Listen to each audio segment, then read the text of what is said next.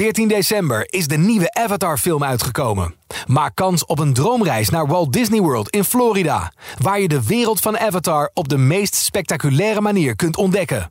Ga naar ad of jouw regionale titel.nl slash Disneyworld en maak kans op deze onvergetelijke ervaring.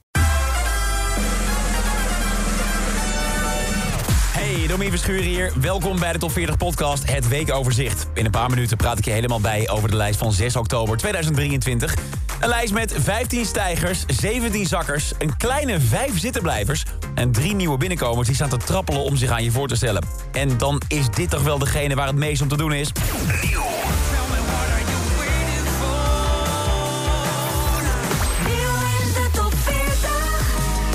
Wat er aan de hand is. Het is alsof we met z'n allen in een tijdmachine zijn gestapt of zo. De afgelopen weken werden we al bedolven onder nieuwe muziek van U2, Kylie Minogue, The Rolling Stones. Allemaal acts waar we al lange tijd niets meer van hadden gehoord. En dan heb je ook nog de comeback van Agda en Munnik. En Sync, iOS, de originele K3 schijnt weer bij elkaar te komen.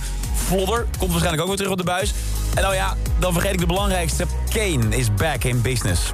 Vorige week maandag belde ik met Dinant en Dennis van Kane... in de Q-Music middagshow. Een uurtje voor de grote première van de Videoland documentaire serie Kane A Story Recorded. In vier afleveringen word je daarin helemaal meegenomen langs het prille begin... tot aan het moment in 2014 toen ze besloten om definitief de stekker uit de band te trekken. Of nou ja, definitief. Dat hoofdstuk van Kane dat blijkt dus niet helemaal afgesloten te zijn. Want naast een belletje over de documentaire hadden de mannen nog meer nieuws. Ze gaan weer samen optreden. Een reunieconcert in de Ziggo Dome op 5 juni 2024. Die ene avond, dat was het plan, dat vonden ze al legendarisch.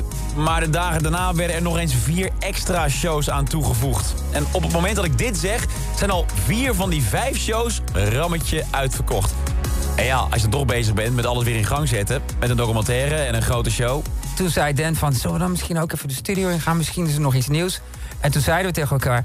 Ja, dat kan ook echt heel pijnlijk worden dat je in de studio zit en dat het gewoon niks is. En dat je uh, aan de afloop denkt, weet je wat, aftikken, rain down on me en uh, het is goed zo. En we zaten vijf minuten met elkaar in de studio en het was alsof we nooit weg waren geweest. En, niet veel later was uh, What Are You Waiting For geboren.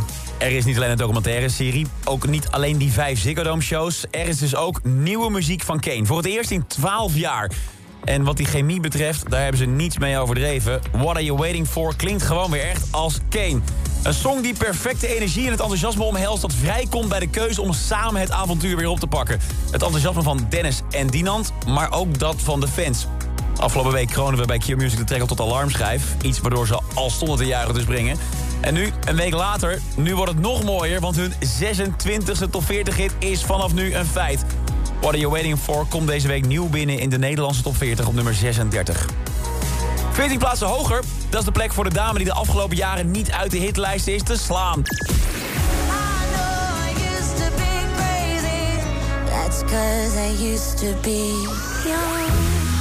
2023 gaat wel echt boeken in als het jaar van Miley Cyrus.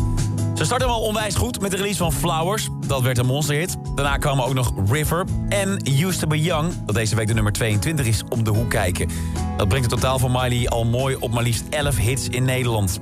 Net zoals de carrière van haar vader Billy Ray Cyrus... is ook de carrière van Miley een groot succes. Dat kunnen we wel stellen. Maar daar is niet iedereen in de familie even blij mee. Miley's oudere broer, Trace, heeft op zijn Instagram stories een hele tirade afgestoken tegen zijn vader en zijn zusje. Want, zo zegt hij, zij zijn de reden dat hij nu geen wereldberoemde artiest is. Hij is altijd de familie van. En overal waar hij komt wordt hij vergeleken met Billy Ray en met Miley. En daardoor staat hij direct met 10-0 achter. Zowel bij de platenbazen als bij het publiek. Heeft de eerste jaren van zijn carrière ook expres zijn achternaam voor iedereen verborgen gehouden... om zo anoniem mogelijk een start te kunnen maken. En het ging ook best wel de goede kant op, beweert hij zelf. Maar vlak voordat hij zijn echte doorbraak kreeg... en de grote contracten tevoorschijn kwamen... kwam daarbij ook zijn achternaam naar buiten. En vanaf toen is het allemaal bergafwaarts gegaan. Ja, nu denk ik, als het Miley en ook Noah is gelukt... om uit de schaduw van hun vader te komen en hits te scoren... waarom zou het hem dan niet lukken? Volgens Trace is het een onmogelijke opgave om zelf succes te vinden door zijn familie. En dat zit hem nu dus zo hoog dat hij echt even stoom moest afblazen. Oh, en als subtiele afsluiting van de brandbrief... in het voorjaar van 2024 komt zijn nieuwe album uit. En wie weet wordt dat dan wel het jaar voor Trace Cyrus 2024. En er kwam ik deze week ook nog iets bijzonders tegen over Post Malone.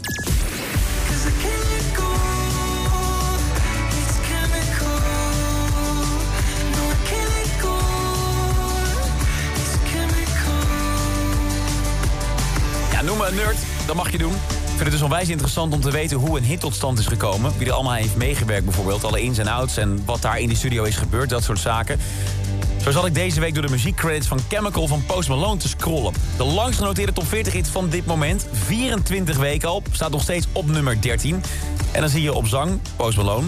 Basgitaar Andrew Watt. De bekende producer en liedjeschrijver. Piano Louis Bell. En wie zie ik daar ook ineens tussen staan in dat rijtje? Mick Jagger van de Stones. En niet op gitaar, niet als co-writer... maar als de man op de samba-ballen. ja, die dingen die je op een themafeestje meeneemt... om je Mexicaanse outfit compleet te maken, weet je wel? En nee, het gaat hier niet om uh, toevallig iemand met dezelfde naam. Het is hem echt. Helemaal verstopt op de achtergrond. Met een paar van die houten shakertjes in zijn hand. Op de trek van Post Malone. Daar staat Mick Jagger. En dat vind ik een legendarisch beeld. Ik heb het even gecheckt. De laatste keer dat de Rolling Stones in de Nederlandse top 40 stonden... dat was in 2005. En we moeten zelfs helemaal terug naar 1978... voor de laatste keer dat ze een top 3 hit hadden. Heeft die Mick dus, dankzij zijn bijrolletje op Chemical... mooi voor elkaar nu.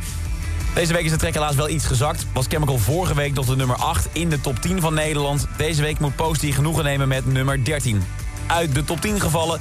De rest van de lijst van die top 10 klinkt als volgt. Nummer Lost Frequencies en The Feeling op 10 deze week. 9. Doja Cat, Paint the Town Red. I said what I said. I'd rather be famous instead. Nathan Dahl, Joel Corey en Ella Henderson. 7. Dua Lipa, Dance the Night. Watch me dance the night away. 6. Dimitri Vegas en Like Mike. 5. Suzanne en Freek met Cloud, Vazie.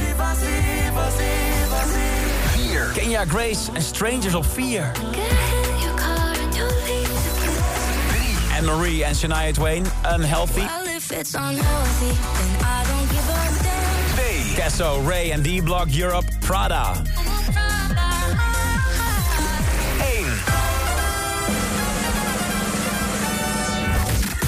Gedaan met de zegentocht van Dua Lipa. Dance Night maakt een flinke val naar beneden. Nummer 7 deze week. Na vier weken op nummer 1 is een nek-aan-nek race dus deze week door een ander gewonnen. En is die top nu bestemd voor een andere hit.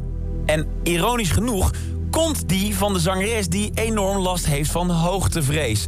Dus ik denk dat het met licht knikkende knieën is. Maar ze staat er wel degelijk. De top van de top 40 is voor Tate McRae. Het goud is voor Greedy.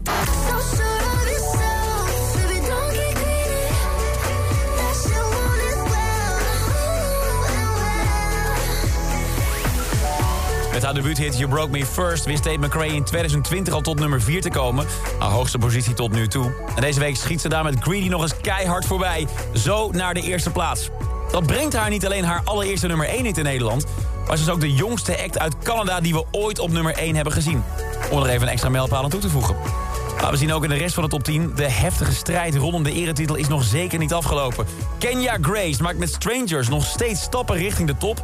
En Prada van Kesso, Ray en D-Block Europe... staat echt vlak achter Tate te trappelen op nummer 2. Weet ze dus nog even stand te houden? Of krijgen we volgende week alweer een nieuwe nummer 1 van Nederland? Ik ga het je vertellen, volgende week in een nieuwe top 40. Werkdag hoor je op Q-Music in de Q-Music middagshow... even na 6 uur hoe de nieuwe lijst vorm krijgt in de top 40 update. En de nieuwe top 40 is er deze vrijdag weer vanaf 2 uur bij Q-Music. Dit is een podcast van Q-Music, AD en de aangesloten regionale dagbladen. Wil je meer podcast luisteren? Ga dan naar ad.nl slash podcast... of naar de site van jouw regionale dagblad slash podcast.